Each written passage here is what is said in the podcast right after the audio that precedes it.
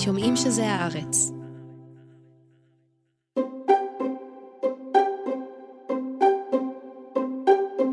وقد أكدت مصر وتجدد التجديد على الرفض التام للتهجير القسري للفلسطينيين אחת המדינות שהושפעו יותר מכל מהמלחמה בעזה היא מצרים. המדינה הערבית המאוכלסת ביותר סובלת כבר שנים מבעיות כלכליות קשות, ילודה שיצאה משליטה ומשבר מים חריף. Egyptian President Abdel Fattah al Sisi has won a third term in an election where he faced no serious challenges and garnered nearly 90% of votes. בחודש שעבר נבחר הנשיא א-סיסי לקדנציה נוספת, בבחירות שהיו רחוקות מלהיות מופת של דמוקרטיה. מאז עלה לשלטון בהפיכה צבאית, הידק א-סיסי את האחיזה שלו בעם המצרי. ולמרות זאת, המשטר שלו יציב יחסית, גם משום שהציבור מיואש ומפוחד. היי, אני חן ליברמן ואתם מאזינים ומאזינות לחוץ לארץ. בפרק הזה ננסה להבין מדוע, בניגוד לעבר, מצרים לא שלחה את הצבא להילחם בחות'ים בתימן, מדוע ויתרה על חלקים מאדמתה לטובת סעודיה, והאם השכנה הדרומית של ישראל, שבה יש יותר מ-100 מיליון אזרחים מתוסכלים, עומדת להתפוצץ, או שאולי המלחמה בעזה היא דווקא הזדמנות. שלום לפרופסור אלי פודה, החוג ללימודי אסלאם והמזרח התיכון באוניברסיטה העברית ומכון מתווים. שלום רב. אז אנחנו רוצים לדבר על מצרים, גם בראי המלחמה, אבל לא רק. כלומר, המלחמה בעזה ברור שהיא העמיקה, החריפה אולי בעיות פנימיות שהיו במצרים, אבל הייתי רוצה להבין ממך קודם כל את מצרים של שישה באוקטובר. מה היו המתחים הכי בולטים, העיקריים, מה היו המאבקים, ואחרי זה נבין איך באמת המלחמה עזרה אולי להאיץ כמה מהתהליכים שם. מצרים, הסיפור החשוב ביותר שלה זה הסיפור הכלכלי. זאת אומרת, אנחנו הרבה פעמים, בגלל יחסי ישראל למצרים, מתמקדים בפן המדיני, אבל למעשה מצרים שקועה בבעיות כלכליות עצומות. בואו נתחיל למשל דמוגרפיה. מצרים היום זה משהו כמו 104, 105 מיליון. כל שנה אה, תינוקות, כמעט שני מיליון, נוריד uh, חצי מיליון מתים, נפטרים, נשארנו עם ריבוי טבעי של מיליון uh, וחצי. היא היום המדינה הערבית המאוכלסת ביותר בעולם? כן, היא, מבחינת הערבית, כן. זאת אומרת, בעולם כמובן יש הרבה יותר. Uh, העניין הוא שאין לה מחצבים, היא מדינה לא עשירה. נכון, נתגלה גז בשנים האחרונות, וזה מכניס לה כמה מיליארדים של דולרים, אבל באופן כללי המדינה הזאת היא חייבת... אני לא חושב שאני אטעה אם אני אגיד קרוב ל-200 מיליארד דולר חובות בעולם. אה, היא צריכה להחזיר משהו כמו 40-50 אחוז מהתקציב שלה הולך בעצם לכיסוי חובות. והיא עכשיו כל הזמן מנהלת משא ומתן עם קרן המטבע הבינלאומי או עם מדינות המפרט על מנת לקבל עזרה. גם עם ארצות הברית, אני מניחה. כן, ארצות הברית נותנת 1 מיליארד נקודה 3, שזה בעיקר סיוע צבאי. אה, ודרך אגב, האמריקאים גם, הם מקשים מהצד שלהם, מה זאת אומרת? אז בוודאי בתקופת ביידן, ממשל דמוקרטי, אה, כנגד נגיד הפרה של זכויות אדם. אז הם לפעמים משעים חלק מהסכומים. למשל, בסוף 23, אה, משהו כמו 10% מהסיוע האמריקאי, הם אישרו אותו. למה? בגלל מה שסיסי עושה מבחינת הפרת אה, זכויות אדם. אבל איך בכלל הם הגיעו לחוב הזה של 200 מיליארד דולר? זה בדיוק העניין, זאת אומרת שאין מחצבים, אין את העושר של הנפט כמו מדינות המפרט, ומצד שני יש לך ריבוי טבעי. ריבוי טבעי זה דבר שמצרים אה, סובלת ממנו כבר משנות ה-50. נאצר בעצם היה הראשון שניצב בפני העניין הזה. בוא נגיד, בשנות ה-50 יש משהו כמו 24 מיליון, סדר גודל, 20 ו. היום 100 ו, זאת אומרת זה פי חמישה. ואנחנו מדברים על משהו כמו בין 40 ל-50 שנה. כששטח המחיה הוא בעיקר המרכזים האורבניים. זה למעלה ממיליון מטר מרובע, אה, קילומטר מרובע השטח של מצרים. מתוך זה בערך חמישה אחוזים הוא מעובד, שזה לאורך הנהר, לאורך הנילוס והדלתא. ומדברים הרבה על מדבור ודברים כאלה, אבל צריך כסף, צריך משקיעים, וזה לא מגיע. ולכן בשורה התחתונה, הסיפור הוא כלכלי. אם אנחנו הולכים לאביב הערבי, זה היה נכון, פברואר מ-2011, אנחנו עוד זוכרים לא כך ממזמן, אז למעשה הסיבה העיקרית, הייתי אומר, זה העניין הכלכלי והחברתי. זאת אומרת, ב-2011 היה סיפור גם של 2008, המשבר העולמי והעלאת מחירים וכדומה. אינפלציה גבוהה, זאת אומרת, אנשים פתאום מצאו את עצמם שאין כסף, זאת אומרת, הם לא יכולים לקנות מוצרי יסוד בסיסיים. עכשיו, סיסי, דרך אגב, אחד הדברים שהוא עשה, זה שהוא ביטל חלק גדול מהסובסידיה על מוצרי היסוד, שזה לחם, חלב וכדומה. שדרך אגב, זה עבר בשלום, וזה די מדהים, כיוון שהיה ציפייה, הייתה ציפייה שאנשים יצאו לחובות. כן. ו... אבל הם מבינים שהמצב הוא כל כך קשה, שכבר הם נואשו אפילו מזה, וזה עבר יחסית uh, בשלום. אז אני חושב שברמה של חיי היום-יום, זה בעצם ההטרדה המרכזית. ואיך נראה העוני ואחוזי העוני במצרים? משהו כמו, לפי הנתונים שאנחנו יודעים, זה משהו כמו שליש בערך מהאוכלוסייה. בואו נגיד שליש, זה למעלה מ-30 מיליון. עוני, הקו העוני אומר, לפי המדד הרשמי, אני אגיד לך, רשום 2.15 דולר ביום. בסדר, no, מינוס פלוס, זה ברור, זה לא משנה. אז נניח כן. אתה קצת מעבר לקו רמת העוני, אתה עדיין עני, כן. נכון? זאת אומרת, אז זה מה שמנהל את מצרים, ולכן זה משפיע למעשה על ההתנהגות שלה כמעט בכל פרמטר. ולכן, אם אנחנו גם נגיע למלחמה, אז המלחמה יציבה, חוץ מהסיפור של עזה והחשש מנהירת uh, פלסטינים לסיני וכולי, הבעיות הכלכליות שבאו בעקבות המלחמה, ותכף נדבר עליהן, הם בעצם מטרדים מאוד עכשיו את סיסי, אין ספק. אוקיי, okay, אז המלחמה הזאת פגשה את מצרים כשהיא בחובות uh, כבדים, כששליש מהאוכלוסייה מתחת לקו העוני, וזה אומר שעדיין שני השלישים האחרים, uh, גם הם זו, עדיין סובלים מעוני. אז עד כמה המלחמה הזאת עוד יותר החריפה את הבעיות הכלכליות, ובאיזה תחומים? Uh, הייתי אומר בשלושה תחומים uh, עיקריים. קודם כל, וזה לא צפוי לגמרי, זה הסיפור של תעלת סואץ. תעלת סואץ צריך להבין שזה אחד משלושת מקורות ההכנסה הגדולים uh, של מצרים. Uh, גם נזכור שלא כך מזמן סיסי הפעיל את הצבא על מנת להרחיב את התעלה. אז היא בעצם עובדת בכפליים, שני הצדדים עובדים, uh, וזה אומר שההכנסה היא הרבה יותר גדולה. אם אני לא טועה, זה משהו כמו, בשנה האחרונה הטובה זה היה בסביבות 8 מיליארד דולר, משהו כזה, זה המון כסף. עכשיו, מה שקרה זה שבגלל מתקפות החות'ים, שהם בכלל נמצאים שם בים האדום, אה, בבאב אל-מנדב, רחוק יחסית ממצרים, אבל זה גרם להרבה אוניות להסיט את נתיב ההפלגה, נכון, מהים האדום, אחרי זה תעלת סואט, אז הם הולכים דרך אפריקה ודרך כיף התקווה הטובה. עכשיו, ראש הרשות ה... של תעלת סואץ, הוא אמר שבינואר, אנחנו עדיין בינואר, יהיה, הירידה היא מסתכמת משהו כמו 40 אחוזים. זה המון. עכשיו, לך תדע מתי זה ייגמר. אנחנו נמצאים בסיפור הזה, נכון? אז זה דבר אחד, זה סיפור אחד גדול. הסיפור השני זה תיירות. כלומר, מצרים זה המקור, בוא נגיד, השני או השלישי בחשיבותו מבחינת ההכנסות, מטבע החוץ. התיירים בחלקם הגדול הם באים לסיני, חופש וכדומה. לא יודע, אנחנו, יש מקום שנקרא חורגדה, או ררדקה בערבית, וזה מאירופה, מגיעים המון, נופשים למקום הזה, יופי של מקום. וזה נמצא על החוף, כן? אז אה, מי יבוא? ולסיני. אז מי יבוא עכשיו? אה, גם ישראלים לא, נכון? זה בטוח. אז יש כאן אובדן מאוד גדול של הכנסות מבחינת התיירות, וזה דרך אגב מגיע אחרי הקורונה, שהם סבלו קשה מאוד. כן? בכלל, כל הסיפור הזה זה עניין שהמלחמה באה אחרי כמה דברים, שזה קורונה, ואחרי זה יש לנו את המלחמה באוקראינה, נכון? רוסיה פולשת לאוקראינה, שה-80% מהחיטה במצרים, אני, זה המון נתונים, אני יודע. לא, אבל זה מעניין, אז אמרנו, יש את הקורונה וגם המלחמה באוקראינה, לא רק המלחמה בעזה השפיעה על מצרים. נכון, זה הכל קשור אחד בשני.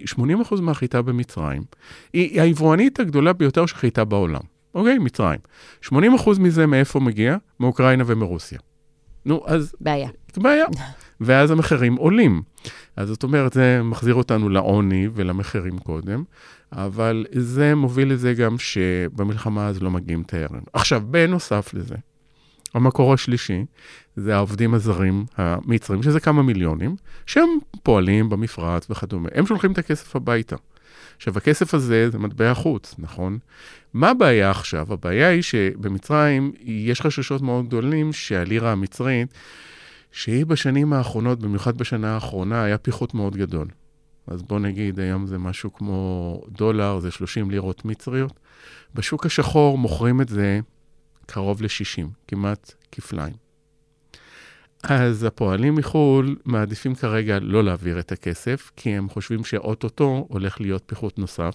וסיסי לא במיוחד רוצה לעשות את זה, שדרך אגב זה גם מה שדורש קרן המטבע הבינלאומי. בקיצור, הוא מסובך עד הצוואר עם כל הבעיות הכלכליות האלה, לפני שהתחלנו לדבר על עזה. בחודש שעבר נבחר עבד אל-פתח א-סיסי לקדנציה שלישית כנשיא מצרים. עבד אל-פתח סעיד חסין חליל א-סיסי. וזה לאחר שב-2019 אושרו תקנות שמתירות לו להאריך את הכהונה שלו וגם להתמודד לקדנציה שלישית. לפי האופוזיציה, ארגוני מעקב ועיתונאים, הבחירות לא היו הוגנות, ומנגנוני השלטון הם שהבטיחו את ניצחונו של א-סיסי. הבחירות היו אמורות להיערך במרץ השנה, אבל הוקדמו כדי שהנשיא יוכל לבצע שורת רפורמות שתאפשר למצרים לקבל הלוואות נוספות על רקע המשבר הכלכלי שבו היא נמצאת. كان الأمل معقودا على وفاق وطني يضع خارطة مستقبل ويوفر أسباب الثقة والطمأنينة א-סיסי עלה לשלטון בהפיכה בשנת 2013. מאז ועד היום נעצרו יותר מ-60 אלף בני אדם מסיבות פוליטיות. חופש הביטוי הוגבל משמעותית ודברי ביקורת זוכים לתגובה קשה. בתקופת שלטונו סובלת מצרים ממשברים חברתיים וכלכליים קשים ומשיעורי אבטלה ואינפלציה גבוהים. אחד התחומים שזוכים לביקורת בתקופת א-סיסי הוא תחום התשתיות והפרויקטים. מצד אחד יש שיפור ניכר בתשתיות הלאומיות במצרים, אבל פרויקטים שאפתניים, כמו בניית עיר הבירה החדשה, הגדילו משמעותית את החוב הלאומי.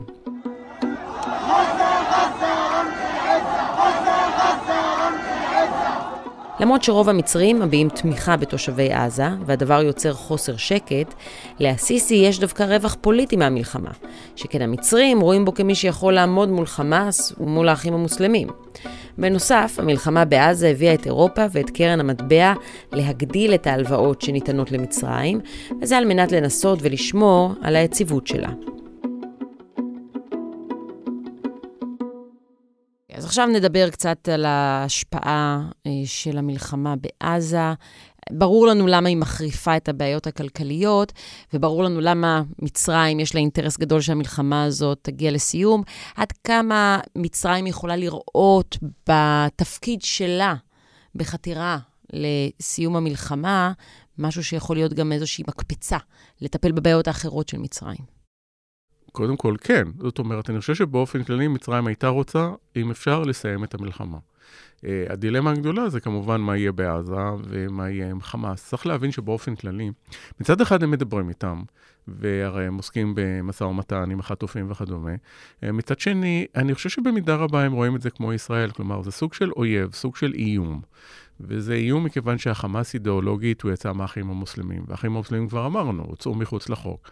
אז זאת אומרת, יש להם כאן אה, אה, סוג של איום, אבל זו מדינה ערבית ומדינה מוסלמית, ולכן הם נמצאים במקום אחר לגמרי, ואני חושב שהם ימשיכו אה, לנסות ולמלא תפקיד, כי זה גם חלק מהניסיון שלהם להראות שהם מובילים. את העניין הפלסטיני. כלומר, הם מנהלים משא ומתן, הם מנסים להגיע לפתרון, והעניין הגיאוגרפי הוא כמובן שיקול מאוד חשוב. כלומר, אם יושבים להם על הגבול, אם יושבים להם על סיני, עם כל החששות וכל הפחדים שזה אומר, אנחנו זוכרים, סיני עד לא כל כך מזמן היה בסיס לארגוני סוג של אל-קאעידה. קראו לזה אחרת, קראו לזה וויליית סיני, לא משנה. ולמעשה, הצבא התקשה מאוד להשתלט על סיני. בין השאר מכיוון שלצבא אין הרבה כוחות בסיני בגלל הסכם השלום. אז ישראל כאן נכנסה ועזרה למצרים, ואפשרה להם להכניס כוחות, ורק בזכות זה הם בסופו של דבר הצליחו להתגבר. אחרי שהצליחו להתגבר על הבעיה בסיני, אז מה, הם עכשיו יכניסו אה, פלסטינים נניח, שמתוכם לך נדע כמה אנשי חמאס יש שם, וטרוריסטים. מבחינתם, הגבול צריך להיות סגור. הם לא יכולים לאפשר את הפתיחה של הדבר אבל הזה. אבל הם כן יכול, יכולים לאפשר, והם כן אפשרו הברחות נשק דרך הגבול. כלומר, הדואליות הזאת של מצרים, אם תוכל להסביר לי אותה. זה דואליות וגם סוג של תעלומה. ותראה, לסיפור הזה יש לה היסטוריה שאני מכיר אותה די טוב, מכיוון שחלק גדול מהחומרים הם דלפו לוויקיליקס. ובוויקיליקס יש לנו המון מסמכים שמראים שבעצם בטח מאז שהחמאס השתלט. החמאס השתלט על עזה ב-2007, ואנחנו כבר מוטרדים עוד קודם, אבל ב-2005 למעשה התנתקות, נכון, אנחנו יוצאים מעזה, ואז אנחנו עוזבים גם את ציר פילדלפי המדובר, 14 קילומטר, וזה דרך אגב הייתה החלטה של מופז, שהייתה החלטה די חד צדדית, שהצבא לא היה מאושר ממנה, כי הם הבינו את הבעיה של נטישת uh, הגבול בין מצרים ובין עזה. מצרים בכל... בטח לא רצתה את זה. או, בדיוק, היא לא רצתה, היא מאוד כעסה, והיא הופתעה האמת, ובסופו של דבר שהם הבינו, אוקיי, זה מה שיש, אז הם התחילו לנהל משא ומתן. וכאן היה משא ומתן די ארוך, כי מה קרה? הם רצו לפתוח, והם פתחו את הסכם השלום. עכשיו, הם ביקשו להכניס שם כמה אלפי חיילים שישמרו על הקו. ישראל אמרה, לא יקום ולא יהיה. בסופו של דבר, חתמו על הסכם ושינו את הסכם השלום. במקום 650 שוטרים, יהיו 750 שוטרי אה, משמר גבול, שזה דרגה יותר גבוהה. לא צבא, משמר גבול. צריך להבין שמשמר הגבול, זה מבחינת הרמה התפעולית שלו. הוא יותר טוב משוטר, אבל הוא פחות טוב מצבא. ואז ה-750 האלה, זה היה התפקיד שלהם, לשמור על הגבול, ומנהרות וכדומה. עכשיו, אנחנו הבנו מהר מאוד שיש מנהרות, וזה עובר מתחת לקרקע. באנו למצרים, לפעמים גם נתנו להם אינפורמציה. לפעמים הם פעלו, לפעמים הם לא פעלו. צריך להבין שיש כאן גם, זה יריבות בתוך מצרים, בין המשטרה, בין משמר הגבול, בין הצבא, דבר אחד. דבר שני, את לא יכולה למנוע את זה, כל מיני שוטרים, או נגיד אנשי משמר גבול, שפשוט מרוויחים כלום כסף, ופשוט מאוד מקבלים שוחד. עבור העברה של ה... אז, אז ברור שהם משתפים פעולה. אז יש כאן בעיה מאוד גדולה. והמצרים לא עשו המון, ואנחנו באנו לאמריקאים ואמרנו, תלחצו על המצרים. בקיצור, ככה זה עבד, את יכולה להבין. יחד עם זאת צריך לציין שסיסי ב-2014, הוא הבין את הבעיה יותר לעומק כנראה מקודם, והוא פעל יותר מכל שליט אחר על מנת אה, לסתום את המנהרות בדרכים שונות. תראי, מכל מהאנשים שאני דיברתי, חלקם שהם כן מעורבים בענייני ישראל-מצרים, התחושה שלהם הייתה שהוא פעל די ביעילות, ולכן ההפתעה היא, אני חושב, עוד כפולה. זאת אומרת שפתאום אנחנו רואים את הכמויות העצומות של הנשק והתחמושת, אנחנו אומרים, יש מצור, כלומר, מהים זה לא יכול להגיע, מהאוויר זה לא יכול להגיע, אז מאיפה זה יכול להגיע? רק דרך המנהרות. זאת אומרת שאנחנו לא ראינו, ואולי גם המצרים עצמם, זה גם אפשרות, שגם הם לא היו מודעים לכמות העצומה הזאת של ההברחות.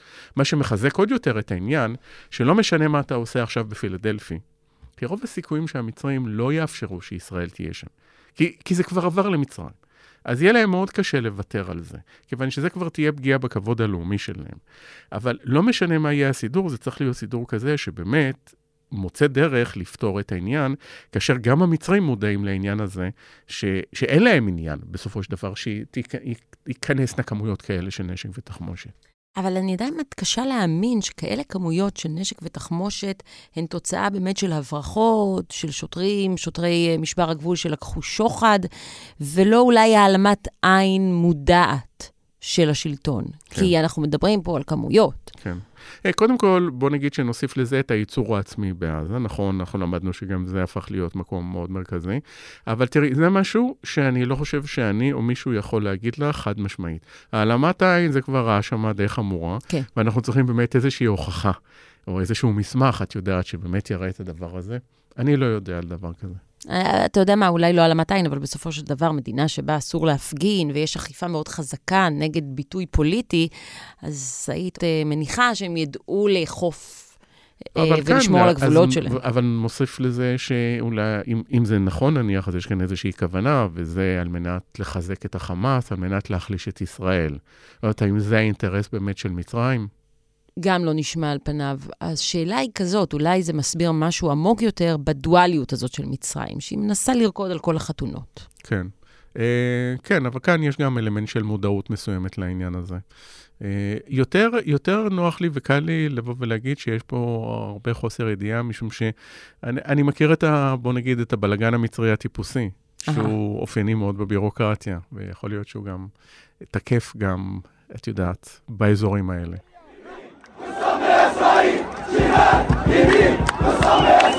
דיברנו מקודם על הסנטימנט הציבורי במצרים, שזה דבר שקשה מאוד למדוד אותו, בגלל שאין חופש ביטוי, אבל עד כמה הסנטימנט כלפי ישראל בעקבות המלחמה, זה אני מניחה משהו שמצרים יכולים להרשות לעצמם לאוורר. אנחנו רואים ריבוי קולות, מגוון דעות בעניין הזה, או כל אחד? קודם כל, אנחנו כן רואים קולות אחרים, אבל בוא נגיד שיש... אה, הקול הבולט הוא כמובן הקול האנטי-ישראלי, ביקורתי.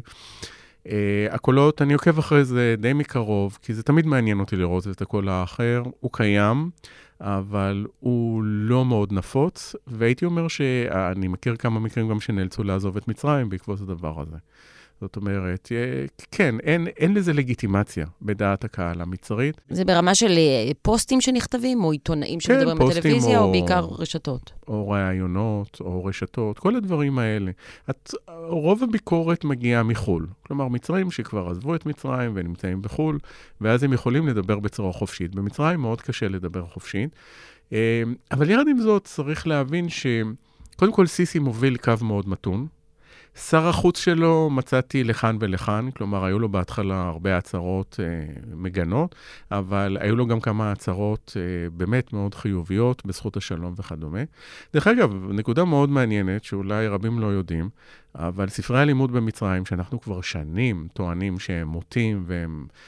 חלק מהדברים שמוצגים שם, הוצגו שם, הם קשים מאוד נגד היהודים, לא רק נגד ישראל והישראלים. הם עברו שיפוץ, הם עברו תיקון. וקודם כל ספרי ההיסטוריה... ביוזמת סיסי? כן, זה משהו... זה לא כל כך ישירות כלפי ישראל כמו הרצון להתמודד עם האיום האסלאמיסטי. כי מה שקרה, ספרי הלימוד האסלאם, היה בהם הרבה כל מיני ציטטות שלקוחות מהקוראן וכל מיני דוגמאות, שהיה בהם הרבה אנטי-יהודיות. אה, והדברים האלה, אנחנו רואים שבשנה האחרונה הם פשוט הוצאו מתוך ספרי הלימוד, ויש ספרי לימוד חדשים. זו רפורמה נורא נורא חשובה, משום שהמשמעות היא שאת יודעת, עוד 10-20 שנה, הדורות הבאים יתחנכו על ספרי לימוד אחרים. זה מה שאנחנו מבקשים כל הזמן מהפלסטינים שהם יעשו, וזה עדיין לא קורה.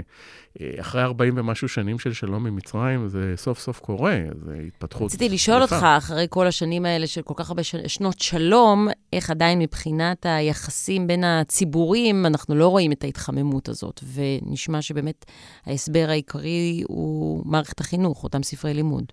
או שיש עוד?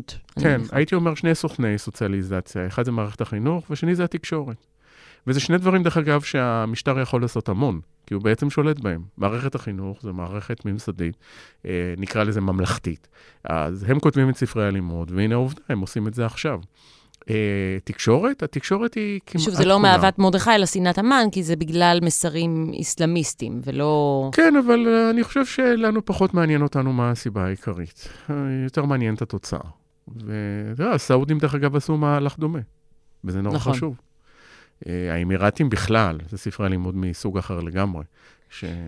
אם אתה כבר מזכיר את סעודיה, אז כשמצרים מסתכלת על סעודיה ורואה שהיא הופכת להיות כוח עולמי ושהיא אה, BFF עם ארצות הברית, איך מצרים רואה את הדבר הזה? איפה מצרים הייתה רוצה להיות ביחס לסעודיה? אני מניחה, גם אנחנו רואים את המאבק הזה קצת גם בכל הקשור למגעים לעסקאות.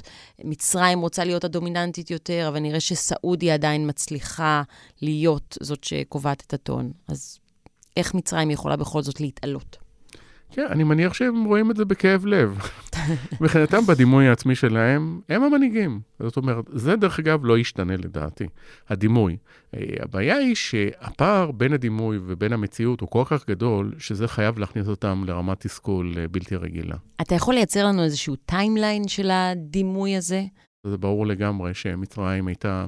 אם אני הולך למשל לשיא, אין ספק, זו התקופה הנאסריסטית. גמל עבד נאסר, הוא שלט 54-70, אחרי זה סאדאת, וסאדאת, איפה שהשתנה באופן משמעותי זה הסכם השלום, כי הסכם השלום הרי במרכאות הוציא אותה מתוך העולם הערבי. אז נכון, היא חזרה ב-89, ומובארק עדיין מילא תפקיד מרכזי וחשוב, אבל זה כבר היה יותר, אני קורא לזה ראשון בין שווים.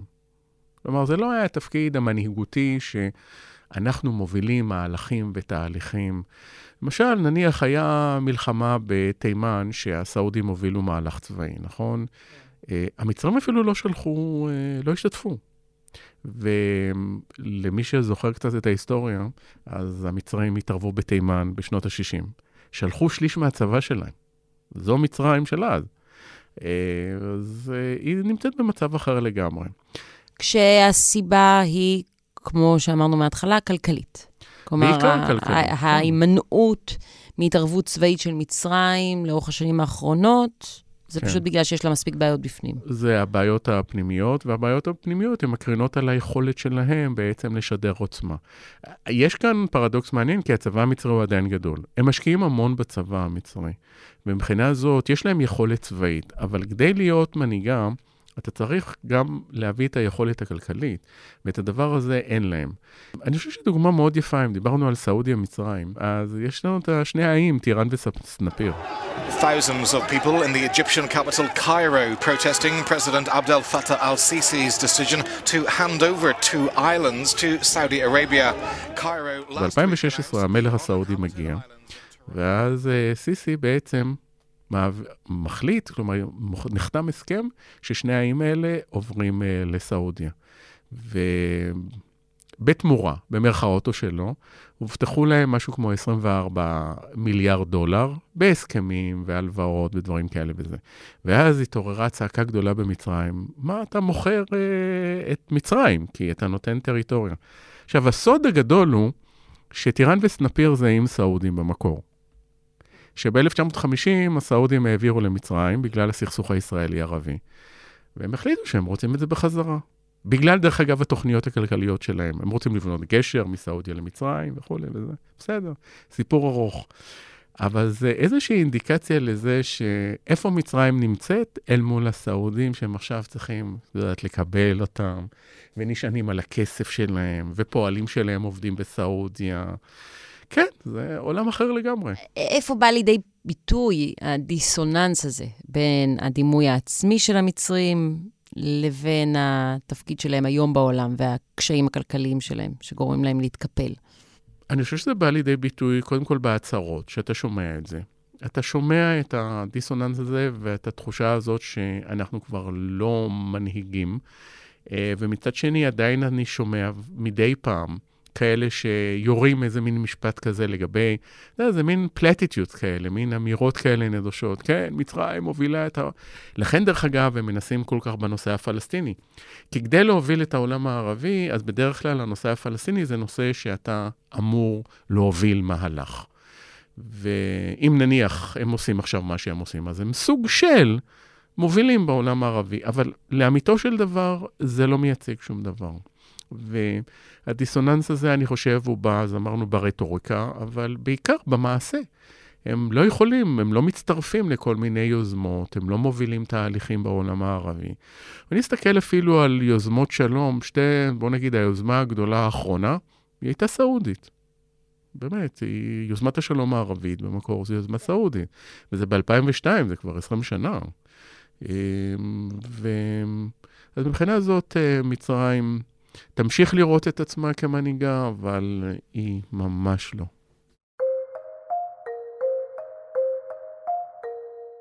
אתה יודע, כל מה שתיארת בחצי שעה האחרונה מוביל אותנו לכך שאימפריות נופלות זה מתכון לאסון. ובינתיים האסון הזה לא מגיע, אלא אם כן תגיד לי שהאביב הערבי, זה היה הרגע שבו הכל גלש מהסיר, ושאולי בגלל זה זה לא קורה. נתחיל קודם עם העניין של אימפריה, זאת אומרת, באיזה מידה, את יודעת, מצרים, אפשר מעולם היה לכנות אותו כך, כי אני, בעבודה שלי, כשנגיד, אנחנו הולכים לתקופת השיא של נאסר ונאסריזם ומובילה בעולם הערבי, אני ראיתי, כשאתה בוחן את זה לעומק, אז אתה רואה שאף פעם לא הייתה לה יכולת באמת לכופף את המדינות האחרות. היה לנאצר את המשיכה הזאת של האישיות שלו, הוא היה מאוד כריזמטי, והאידיאולוגיה הפן-ערבית, אבל גם בשנים הטובות, אז בואו נהיה קצת ככה יותר רגועים, או לגבי התפקיד המוביל של מצרים. על אחת כמה וכמה, כאשר אנחנו מדברים בשנים האחרונות, האם אנחנו לא רואים נפילה, זה, זה, זה מושג, את יודעת, כאילו, מה יקרה אם מדינה אה, תפשוט את הרגל? זאת אומרת, לאיזה מצב, מצרים נמצאת במצב אברי פי פחת בעברית יפה. זה, זה המצב שלה. אין מילים אחרות לתאר את זה. ופשוט כל שנה היא פותרת את הבעיה באמצעות של הלוואות ועזרה. כל הזמן זה קורה. גם עכשיו הם מנהלים אה, דיון עם קרן המטבע העולמי, שמוכנה לתת להם שלושה מיליארד דולר, ונתנה נדמה לי סכום קטן כבר, כלומר לשיעורין, אבל הם אומרים להם, תעשו א', ב', ג', כל מיני צעדים שהם רוצים שהם יעשו מבחינה כלכלית. פיחות של הלירה המצרית. למשל, מכירה של חברות מצריות, שהן, רבות מהן הן חברות לא מצליחות, לא יעילות, אה, על מנת שיצליחו להכניס מטבע זר, בעיקר למכור אותם לזרים וכולי. והם לא מצליחים לעשות את כל הדברים האלה, או מאוד מתקשים לעשות את הדברים האלה. ומעבר לזה, העניין של הדמוגרפיה, דיברנו קודם על משהו בסביבות הכמעט שני מיליון כל שנה. גם אם אתה מטפל היום, מחר, ומטפלים, אם כי לא ביעילות יתרה, שני העשורים או השלושה הבאים הם די אבודים. משום שהצעירים, שהם רוב האוכלוסייה, כן, הם אלה שבעצם ימשיכו לו להביא ילדים, ולכן אתה, מה שאתה עושה היום, אתה תראה בעוד כמה עשורים, בהנחה שאתה עושה את זה. אתה יכול לראות איך הדבר הזה בכל זאת יכול להביא גם להקצנה בתוך הציבור? כן. כן, בוודאי. כי אני חושב שזה פער מאוד גדול בין הפוטנציאל לבין מה שקורה בשטח.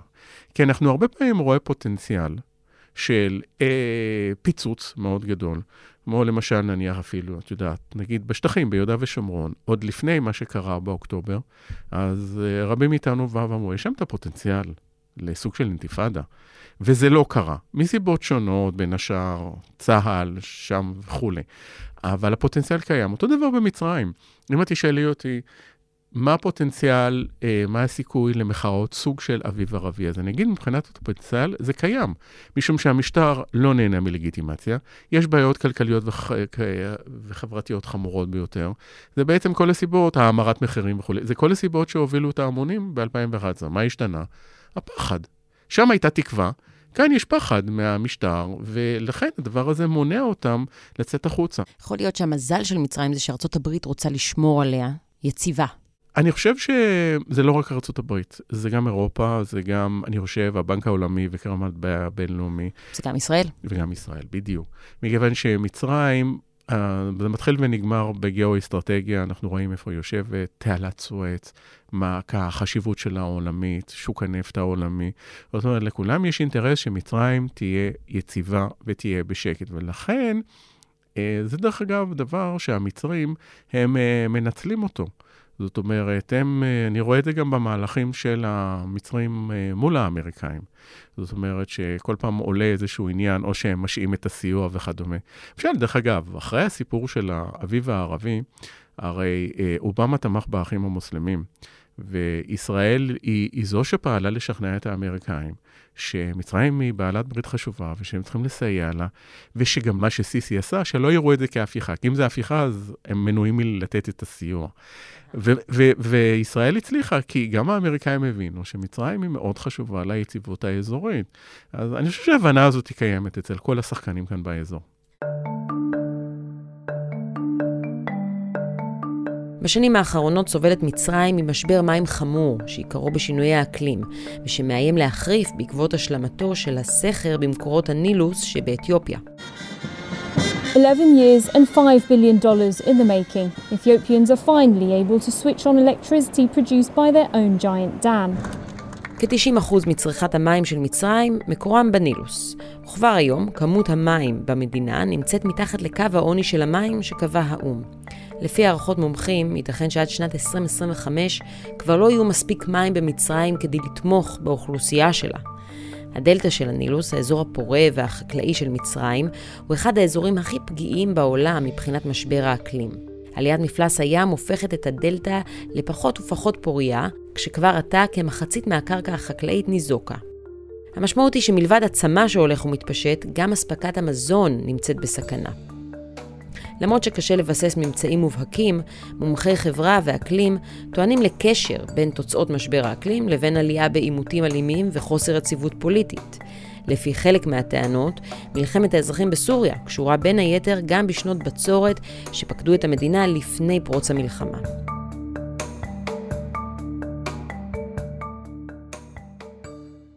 דיברת מקודם על הימנעות של מצרים מלהיכנס לעימותים אזוריים, כמו שהיא נמנעה מלהיכנס גם לתימן יחד עם סעודיה, אבל היא כן התחממה מול אתיופיה. אתה יכול להסביר לנו קצת יותר על הקונפליקט הזה? הסיפור האתיופי הוא סיפור נורא מעניין, כיוון שהוא יחסית חבוי, ולא ממש עוסקים בו, כי זה עניין מצרי-אתיופי בעיקר, אבל הוא נוגע לסכר שהאתיופים בונים. למעשה הם התחילו כבר לפני 12 שנה, ומה שזה מטריד את מצרים, כמי שיושבת במעלה הנהר, זה מה יקרה למים. המים זה למעשה חלק גדול, למעלה ממחצית מהמים מגיעים מנהר הנילוס במצרים. ולכן הם מאוד מוטרדים שהאתיופים בעצם ייקחו, יגנבו לטענתם. ההסכם האחרון נחתם בין מצרים ובין סודאן, וזה היה עוד ב-59, ודרך אגב, הוא לא התעסק עם האתיופים. עכשיו שנבין, למי שלא רואה את המפה לנגד עיניו, מאתיופיה מגיע הנילוס הלבן, מסודאן מגיע הנילוס הכחול, הם נפגשים בחרטום, ומשם הם ממשיכים צפונה למצרים. אז אם אתיופיה בונה סכר ולוקחת חלק גדול מהמים, זה אומר שהמצרים יפסידו. דרך אגב, זה נכון לגבי כל המדינות שנמצאות במעלה הנהר. למשל, עיראק, שנפגעת בפרט והחידקל מסוריה וטורקיה, שנמצאות יותר למעלה. אמ, אז 12 שנה זו, זה מנהלים משא ומתן. בשלב מסוים היה איזשהו סוג של איום צבאי. דרך אגב, זה היה דווקא בתקופתו של מורסי. ודווקא סיסי בא עם גישה דיפלומטית, והתחילו לנהל. עד היום לא הביאו לשום פתרון ולשום הסכם. בינתיים האתיופים מילאו את הסכר. כלומר, המצרים עומדים פה כבר בפני עובדה מוגמרת, ולכן כל המשא ומתן שעכשיו הם בעצם מנהלים אותו, זה יותר נוגע מה יקרה אם תהיה שנת בצורת. כלומר, שיהיה הסכם שאומר שאם יש מצוקה של מים, אז אתם מבטיחים לשחרר לנו כמות מסוימת של מים. והאתיופים, כיוון שהם יושבים במעלה הנהר, יש להם כמובן את נקודת החוזק על המצרים. אני לא רוצה לחשוב מה זה עושה לדימוי העצמי של המצרים, שאפילו אתיופיה הצליחה להרים עליהם. בדיוק. זה, הנה, זה עוד דוגמה, כיוון שאתיופיה, אגב, אתיופיה היא לא מדינה שולית. זו מדינה גדולה עם צבא. אתה אומר, סתם זלזלתי. לא, אבל אה, בהשוואה נגיד לסודאן. כן. יודע, סודאן זה באמת מצב הרבה יותר גרוע. כן. אבל את צודקת לגמרי. כי מצרים היא, באפריקה, היא הייתה, אם אנחנו חוזרים עוד פעם לנאצר, שלושת המעגלים, מצרים מובילה במעגל הערבי, אפריקאי ואיסלאמי. נו, ואיפה התורה? איפה היא עכשיו? ועדיין אה, למצרים חשוב להיות לפחות באפריקה, אולי לא ברמה העולמית ולא בעולם הערבי, אבל לפחות באפריקה להיות מהמדינות המובילות? כן, אני חושב שאפריקה היא חלק מהזהות המצרית, אבל היא, היא משחקת בכל המקומות האלה. זאת אומרת, היא במזרח התיכון, היא בעולם הערבי, היא באפריקה והיא בעולם האסלאמי. אה, אבל בכל מקרה, זה לא תפקיד מרכזי מוביל, כמו שזה היה בעבר. واكدت مجددا استمرار مصر في استقبال المساعدات الانسانيه والتزامها בנקל תלק אוקיי, אז, אז אני אחזור לנקודת ההתחלה, והשיפט שהמלחמה בעזה מייצרת אצל מצרים, או אה, העמקה של הבעיות שלה. האם המלחמה הזאת היא שוב גם הזדמנות בעבור מצרים? ואם זו הזדמנות, האם מצרים מצליחה לנצל אותה? הזדמנות uh, בהחלט כן, אבל ההזדמנות היא בעיקר, הייתי אומר, uh, מבחינה מדינית. זאת אומרת, כי מבחינה כלכלית זה רק יצר קושי וזה רק יצר בעיה, וזה כנראה הולך להחריף, והשאלה איך הם יוצאים מהמצב הזה. מבחינה מדינית, השאלה מה הם יכולים להוציא מהמצב הזה, וזה, אני חושב שיש כאן הרבה סימני שאלה. זאת אומרת, כי זה ברור לגמרי שלעזה הם לא רוצים להיכנס. הם הבהירו את הדבר הזה.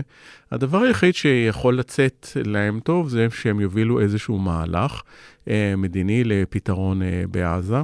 אה, יחד עם זאת, יש כל כך הרבה כוחות שפועלים כאן, ואני רואה, חוץ מהאמריקאים, שכמובן הם מאוד מרכזיים, רואים את קטאר. קטאר היא מדינה נורא חשובה בכל מה שנוגע לעזה. והסעודים גם כן. עכשיו, מה שקרה עם הסעודים, ש... זה לא היה מתוכנן, אבל הסיפור של הנורמליזציה תפס את כולם, המלחמה תפסה את הנורמליזציה במצב מאוד מסוים. וזה כמעט קרה וזה לא קרה, אבל הדבר המעניין הוא שאנחנו רואים שתוך כדי המלחמה, הנורמליזציה נשארה עדיין רלוונטית. עכשיו, אם היא נשארה עדיין רלוונטית, והסעודים באמת רוצים ללכת על המהלך הזה, ודרך אגב, כל הסימנים מראים שכן, כולל הנאום של שר החוץ הסעודי בדאבוס, אז זה אומר שכאן הסעודים יכולים הם להוביל את המהלך הזה, ולא המצרים. חזרנו עוד פעם לעניין הסעודי-מצרי. כלומר, למצרים אין שום יתרון פה. בטח אין להם את היתרון הכלכלי שיש לסעודיה ולקטאר, אבל אה, יש להם איזשהו יתרון, איזשהו משהו שהם יכולים להחזיק מול חמאס, שלקטאר ולסעודיה אין? הייתי חושב שני דברים. א', הקרבה הגיאוגרפית. וזה השליטה במעבר רפיח. בסופו של דבר, הסיוע ההומניטרי צריך לעבור דרך המצרים, אם הוא לא עובר דרכנו, והוא לא עובר דרכנו. אז זה מנגנון אחד, והם דרך אגב מנצלים אותו, שאת עוקבת אחרי התקשורת המצרית כל הזמן, העניין ההומניטרי. זה אנחנו, ואנחנו, ואנחנו עוזרים, ואנחנו מסייעים, אז הם מנצלים את זה אה, מבחינה אה, תעמולתית. והדבר השני, יש להם איזושהי מערכת יחסים עם חמאס, של, אני מחפש את המילה המתאימה, זה לא קרבה, אבל יש להם איזה שהם מנופים, מכיוון שהם מכירים אותם יחסית, והם, אה, יש קשרי מודיעין בעיקר. זה, זה לא קשרים מדיניים, זה קשרים של המודיעין המצרי, שהוא זה שמוביל את המהלכים, וכאשר ראשי חמאס מגיעים לקהיר, הם מדברים עם המודיעין הצבאי, ו, סליחה, המודיעין הכללי, שהוא הגורם המרכזי שמוביל את המהלכים האלה, ואני חושב שמהבחינה הזאת יש להם יתרון על פני הגורמים האחרים. אבל אין להם את המנוף הכלכלי, וזה באמת, אה, כי הקטרים, אה, אה, למה נכנסו הקטרים? זאת אומרת, זה בדיוק היה המנוף שאפשר להם להיכנס. וכאן הסעודים יכולים לנסות ולהחליף את הקטרים. זה לא ברור אם הם ירצו לקחת את זה על עצמם, אבל. זה יריבות היא בין סעודיה לקטר, מצרים היא השחקן השלישי, והפחות כן, כן, חשוב. זה, זה איזשהו משחק, זה, זה, זה מאוד מעניין, כי מצד אחד סעודיה ומצרים, נמצאות באותו מחנה ונמצאות באותו מקום. מצד שני, יש את התחרות והריבות ביניהם. ואז יש לנו את קטר, שנמצאת, הייתי אומר, איפשהו באמצע, שמנסה לתמרן בין הכוחות. וזה כבר משהו שקשור יותר לפוליטיקה הערבית ולכל המערכת היחסים, ולאורך השנים יש כאן הרבה עליות ומורדות.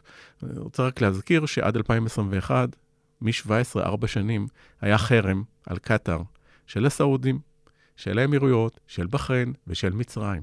זה היה עד לא מזמן. ופתאום, כן, כולם מדברים, וכולם, כי יש אינטרס משותף. זה דבר שמאוד אופייני כאן לאזור, השינויים המאוד מהירים בשיתופי הפעולה. רק הסכסוך שלנו עם הפלסטינים נתקע כבר. נשאר קבוע, שנים כן. רבות, כן. הדבר היחיד שלא משתנה. אבל אם מדברים על הזדמנות, יש לנו אולי הזדמנות גם לטפל בזה. אולי באמת. תודה רבה, פרופ' אלי פודה. בבקשה, תודה רבה. תודה.